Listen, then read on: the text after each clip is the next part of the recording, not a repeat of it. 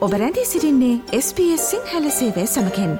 වැඩිතුර තොරතුර දැනැනීමට පිවිසන්න ps.com.ta/ Sinhala වෙපඩවයට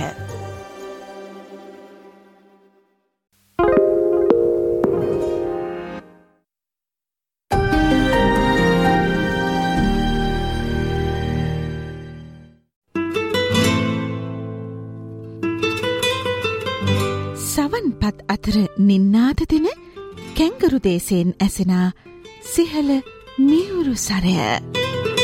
මගේ ගීතය. මගේ ගීතය. SBS සිංහලකුවන් විදුලිය. ඔස්ට්‍රලියාවේ වෙසෙන ගීපද රචකයෙන් ගායකීන් සහ සංගීතඥයන්ගේ ස්වීය සප්තස්වර පබැදුම් ඔබ හමුවට ගෙනේන මාසික විශේෂාන්ගය මගේ ගීතය. මගේ ගීතය. මගේ ගීතය. මගේ ගීතය. මාසික විශේෂාන්ගය වෙතට තමයි අපි දැන් අවධානය යොමු කරන්නට සූදානම් වන්නේ. ඔබ දන්නවා අපි හැම මාසකදීම ඔස්ට්‍රේලියාවෙන් බිහිවන සිංහල ගීත සොයාගෙන යන මේ ගමනෙදී අපිට හරි අපූරු නිර්මාණශීලී සංගීතඥයන් ගේය පද රචකයන් ගායක ගායිකාවන් හමුවෙනවා. ඉතින් ඒ විදිහට අපිට මෙල්බර්න් නුවරින් හමුවුණු ඉතා දක්ෂ ගීත රචකයෙක් එක්ක තමයි අද අපි කතාබහ කරන්නට සූදානම් වෙන්නේ. අද මම තෝරගත් ගීතය හරි විශේෂයි. වැඩිය කතාබහට ලක් නොවෙන සිද්ධියක් කලලලා තමයි මේ ගීතය පද බැඳිලා තියෙන්නේ. නූපන් ආදරී. මේ සුන්දර ගීතයේ සංගීත නිර්මාණය වෙන්නේ කවීන් රූපසිංහ සංගීතඥයා අතින්. ගීතයට හඬ මුසු කරන්නේ ක්‍රිෂාන්ත එරන්දක අති දක්ෂ ගායකෙක්. වී පැදුරෙන් ඉගිලී යන ගීතය කිව් සැනින් ඔහුව නොහඳුනන කෙනෙක් නැති තරම්. ඉතින් මේ නූපන් ආදරේගේ කතාවේ හිමිකරු වන දක්ෂිත නලින් රාජසූරිය නම් වූ දක්ෂ ප්‍රවෘත්ති නිවේදකයා. ගීපද රචකයා. සහ ගෘහ අලංකරණ ශිල්පියා එක්ක තමයි මේ කතා බහ කරන්නට සෝදානම. ආයිබෝවන් දක්ෂිත. අයිබෝන් වායිබන්. ඔස්ට්‍රේලියාවෙන් බිහිවුණ මේ තරම් සුන්දර සිංහල නිර්මාණයකට SBS සිංහල සේවය ඉඩහසල ලබා නොදී කොහොමද? නේද? ගීතය පිළිබඳ අපි කතාබහ කරමු. හෙනම් ඔබ මුලින්ම ගීත රචනය දිහාවට යොමුණ ආකාරය අපි ටිකක් මතක් කරමු. එහෙම ඉරක් ගහලා මම මෙතනදී තමයි ගීත රචනයට යොමුණේ කියලා කියන්න තරම් නම් මට මතකයක් නැහැවා හැබැයි මම හිතන්නේ ගීත රචනයට එළඹ වෙන්නේ ඉතාම කුඩා කාලයේ සිදුවෙච්චි දේවලුත් එක්ක විශේෂයෙන්ම මේ ගද්‍ය සහ පද්‍ය රචනාවල් යොමුවීමක් තිබ්බ පාසල නවදියේ ඉඳන්ම විශේෂයෙන්ම මේ මම කඳුරට සේවයේ ළමා ශිල්පියෙක් විදිහට කටයුතු කළ කාලයක්. ඉතින් මේ ඔස්සේ ගද්‍ය සහ පද්‍ය රචනාවන් වලට අපිට යොමු වෙන්නට සිද්ධ වුණා ඒ කරපු නිර්මාණ කටයුතුත් එක්ක. ඉතින් ඒ ඔස්සේ ආපු ගමන් මගේ කෙලවරක් වෙන්න ඇති කියලා මම විශ්වාස කරනවා ගීත නිර්මාණයට මගේ යොමු වීම. හොඳයි. අද මම තෝරගත්ත ගීතය තමයි නූපන් ආදරේ. මේ ඔබගේ පළවෙනි ගීත රචනයද තවත් මේ වගේ ගීත නිර්මාණ ඔබ අතින් බිහි වෙලා තියෙනවද? ගීත ඇත්තටම බොහොමයක් නිර්මාණය වෙලා තියෙනවා. නමුත් පටිගත කරපු ගීත අතරින් දෙවන ගීතය තමයි අද ඔබ මේ විදිහට තෝරගෙන තියෙන මේ ගීතය. දැන් අපි ගීතය ගැන කතා බහ කරමු. දරුවෙක් කුස පිළිසිඳ ගත්තට පස්සේ දෙමව්පියන්ට ඇතිවන බලාපොරොත්තු දරුවට ඔවුන්ගෙන් වෙන්න අවශ්‍ය යුතුකම් වගේ දේවල් ගීතය තුළ ඉතාම සංවේදී ආකාරයට ඔබ කැටි කරලා තියෙනවා. අපි ඒ ගැන පොඩ්ඩක් කතා කරමු. ඔව් මම හිතන්නේ මේවා ඔබ මේ වැඩසටහන පටන් ගන්නකොට සඳහන් කළා වගේම මේක ටිකක් මමත් විශ්වාස කරනවා වැඩි කතා බහට ලක් නොවුණු ප්‍රස්තුතයක් ඔස්සේ තමයි මේ නිර්මාණය වෙලා තියෙන්නේ කියලා. ඔබ සඳහන් කරත් වගේ මේක ටිකක් අධිසංවේදී කාරණයක් අධිසංවේදී ප්‍රස්තුතයක් කියලා කිව්වොතින් වඩා නිවැරදි. ගීතය පිළිබඳව කතා කළොතින් ගීතයේ පදවලුත් එක්ක මම ගීතය පිළිබඳව ඇයි මම මේක ලිව්වේ කියන කාරණය යම් අවබෝධයක් ශෝභ ශ්‍රාවකයන්ට ලබා දෙන්න උත්සාහ කරන්නම්. ගීතේ පටන් ගන්නේ හීනයක් හීන්සරේ ඇවිදින් හිටි හැටියේ ඒ හීනෙම පාට ගෑව නූපන් ආදරේ කියන වචනත් එක්ක ඉන් අනතුරු මේ ගීතය ඒ ආකාරයෙන් ගලාගෙන යනවා. ඇතරම මේ ඕනම විවාහක යුවලකගේ විවාහයෙන් පස්සේ තමන්ට තියෙන ඊළඟ හීනය වෙන්නේ දවරු සුරතල් බලන එක. ඉතින් මෙහෙම මේ දරු සුරතල් අපේක්ෂාවෙන් ඉඳලා දරුවෙක් කුසට ඇවිල්ලා මේ හීනය කුමක් හෝ හේතුවක් නිසා අතරමඟ නැති වෙනවා නම් මේ හීනේ කඩා ඉහිරෙනවා නම් ඒ යුවලට මොන වගේ හැඟීමක් ඇති වේද කියන මාතෘකාව සංවේදී මාතෘකාව ඔස්සේ තමයි මම මේ ගීතය රචනා කරන්නේ. ඉතින් මේ වගේ තමයි ගීතය ආරම්භය සිද්ධ වෙන්නේ. ඉන් අනතුරුව මම කතා කරන ගීතයේ මැද භාගයේදී මේ යුවල ඒ කියන්නේ මේ ගීතයට ප්‍රස්තුත වන යුවල බලාපොරොත්තු වෙන හිටියේ ගැහැණු දරුවෙක්. ඒ ගැහැණු දරුවා අපි දන්නවා මේ මේ ඕනම විවාහක යුවලක් දරුවෙක් බඩට ආපු දවසේ ඉඳලා ඊළඟට කොහොමද ඒ දරුවාගේ අනාගතය සාර්ථක කරන්න කියන අඩිතාලමත් එක්ක තමයි ජීවත් වෙන්නේ. ඔවුන් පාසල් හොයනවාද පෙර පාසල් හොයනවා ඒත් එක්කම ඔවුන්ට අවශ්‍ය කරන අනෙකුත් බඩු බාහිර ආදිය සම්පාදනය කරනවා. ඉතින් අර මේ හීනය එළබෙනවත් එක්කම මේ ගීතයේ ඉන්න යුවලත් තමන්ගේ දරුවට අවශ්‍ය කරන දේවල් සම්පාදනය කරන්නට පෙළඹෙලා තියෙනවා. නමුත් අවාසනාවකට අර අනපේක්ෂිත අහිමිවීමත් එක්ක මේ දේවල් වලට කොහොමද අර දරුවා වෙනුවෙන් සම්පාදනය කරපු දේවල් දකිනකොට ඇතිවන හැඟීම එක්ක තමයි මේ ගීතයේ දෙවනාර්ධය මම නිර්මාණය කළේ.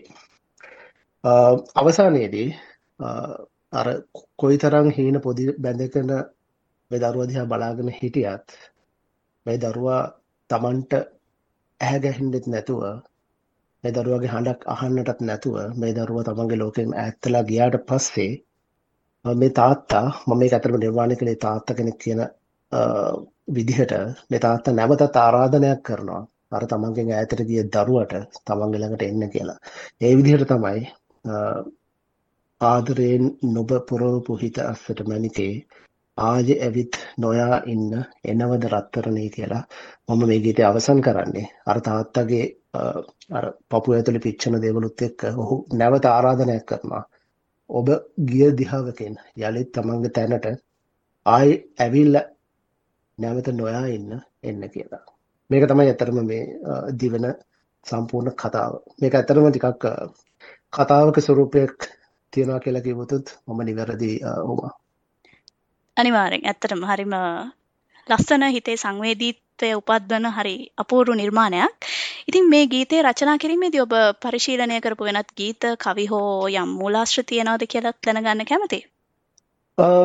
මෙහෙමයි එහෙම ඇත්තටම මේ මේ අර මට ඉලක්ක කරලා කියන්න බෑ මෙන්න මේ මේ මේ මේ දේවල් හින්දා මම මේ ගීතය නිර්මාණය කළා කියලා. නමුත් ඕනම ගීත රචකයෙක් වේවා ඕනම නිර්මාණකරුවෙක් වේවා කිසියම් නිර්මාණයක් කරන්නේ එක්ක තමන්ට ජීවිතය ලැබෙන අත්දැකීම් එක්ක එහෙම නැත්නම් තමන්ට පරිබාහිර තමන් ආශ්‍රය කරන සමාජයෙන් තමන්ට එකතු කරගන්න පුළුවන් අත්දැකීමුත් එක්ක. මම හිතන්නේ මේකත් ඒ විදිහට මගේ හිතට ආපු කාරණයක් වෙන්න ඇති. නමුත් අර මේ ඔබ අහන ප්‍රශ්නෙට ඍජු උත්තරයක් මට නැහැ. මම මේක මොන විදිහටද මේ මාතෘකාව මගේ ළඟට ආවේ කියලා. නමුත් මම හිතනවා අර මේ අපි සමාජයේ ජීවත් වෙනකොට එකතු කරගත්ත දේවල් එක්ක ඇතිවෙච්ච හැඟීමක් වෙන්න ඇති කියලා. නමුත් මේ ගීතය නිර්මාණය කිරීමෙන් අනතුරුව ලැබුණු ප්‍රතිචාරත් එක්ක මට ඇත්තටම මමත් සංවේදී වුණා මොන තරම් පිරිසක් මේ වගේ අත්දැකීම් වලට මුහුණ දීලා තියනවද ඔවුන්ගේ කතා මේ ගීත නිර්මාණයෙන් පස්සේ අපිට අහන්න ලැබුණා.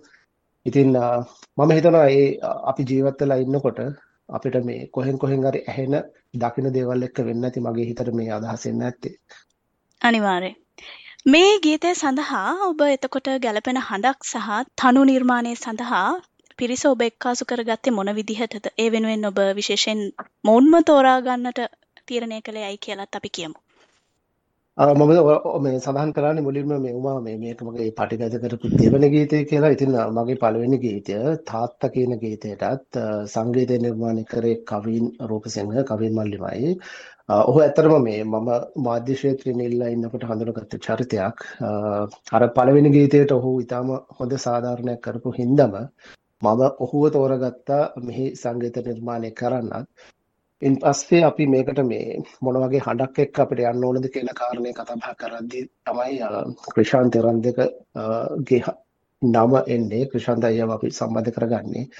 මම හිතනවා මේ මේ ගීතය අහනකොට අපේ ඔබේ ශ්‍රාවකයන්ටත් තේරෙවි මොන තරම් නම් සාධාරණයක් සංගීත නිර්මාණකයා විදිහට කවීනොත් ගීතේ ගායකයා විදිහට ක්‍රිෂාන්තයත් ඉටු කරලා තියෙනවාද කියන කාරණය. මම හිතනවා මගේ තෝරා ගැනීම නිවැරදි කියලා.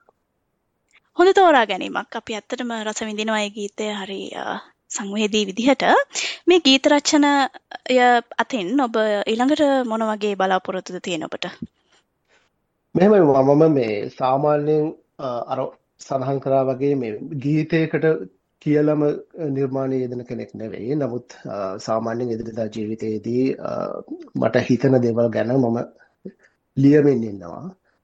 ඉතින් මේ සමහරක් ඉදිරියේදී ගීත වෙන්නත් පුළුවන්. ඒත් ඇතරම මේ ඉතාම නුදුරේදීම තවත් ගීත දෙකක් පටිගත වෙන්න නියමිතවත් තියෙනවා. ඉතින් ඕවා තමයි මම හිතන්නේ අර මේ මේ ගීත සඳහාම කියලා කරන නිර්මාණ කාර්යයක් නොවුනට ලියවන දේවල් අනාගතයේදී ගීත විදිහට එළි දක්වන්න පුළුවන්. අපි හරි ආසාවෙන් බලන් ඉන්න ඔබගේ අතින් බිහිවන ගුණාත්මක නිර්මාණවලට සවන් දෙන්නට හිතේ සියුම් තැන් හරි අපූරුවට ස්පර්ශ කරන සංවේදී ගීත නිර්මාණයක් පිළිබඳව තමයි අපි ඒ කතා බහ කළේ. තව තවත් මෙවැනි හරවත් නිර්මාණ බිහි කරන්නට ඔබට හැකි වෙන්න කියලා අපි සුබ ප්‍රාර්ථනා කරනවා. ගීයට සවන් දෙන ගමන් ඔබට සමු දෙනවා. බොහොම ස්තුතියි ඔබට. ඔහු ගේය පද රචක දක්ෂිත නලින් රාජසූරිය. බොහොම ස්තුතියි ඔබ අවස්ථාව ලබා දුන්නට බොහොම ස්තුතියි.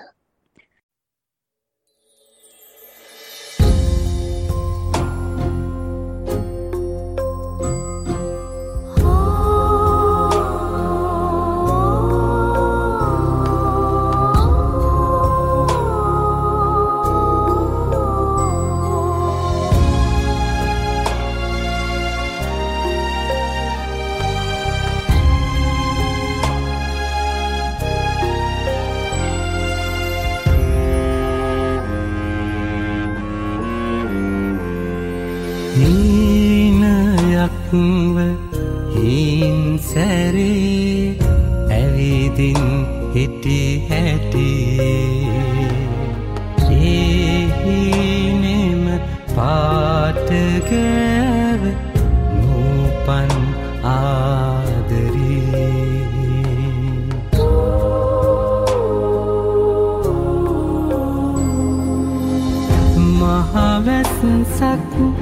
සැඩ සුළඟක් ඇවිදින් හිටි හැටි.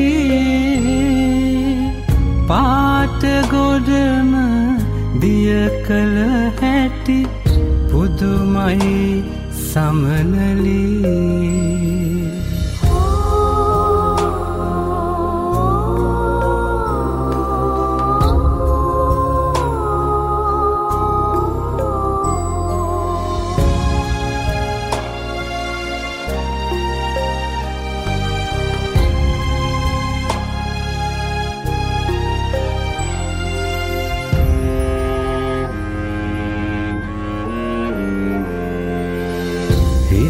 කීවෙම රෝස පාට ගවුම් ටිකක් මහන්නයි.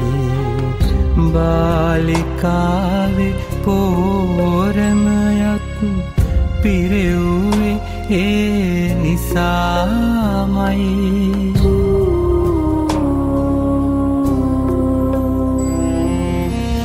ගෙනාපු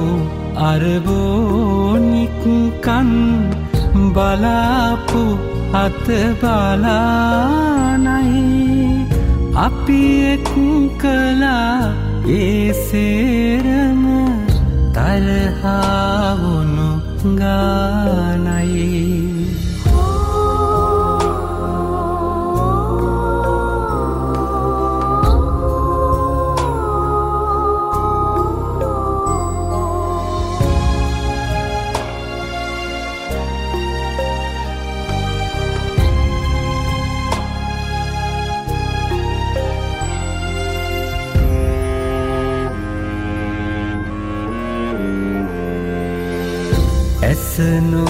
නොගැටීම හඬ නොඇසිම දුරගිය සියුමැලී නුඹේ නමට පිදුසෙනෙහස ඇගේ දෙතනෙන් වැගීරේ.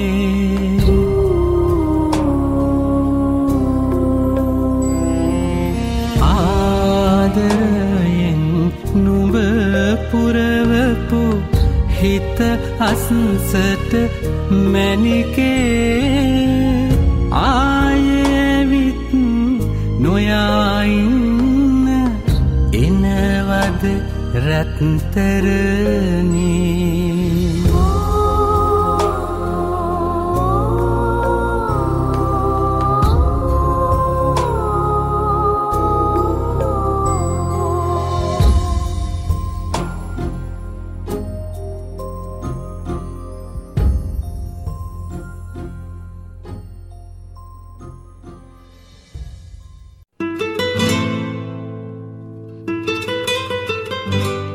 සවන්පත් අතර නින්නාද දෙන කැංගරු දේශයෙන් ඇසෙනා සිහල මියවුරු සරය. මගේ ගීතය. මගේ ගීතය.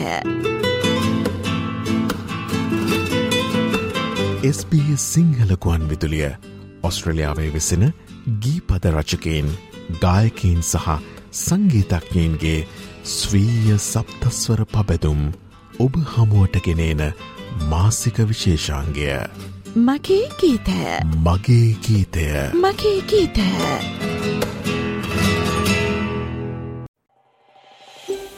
මේ වගේ තවත්තොරතුරු දැනගන්න කැමතිද? එහමනම් Apple podcast Google podcast Spotify ඔබගේ පොඩ්කාස්ට ලබාගන්න ඕනෑම මාතයකින් අපට සවන්දය හැකේ.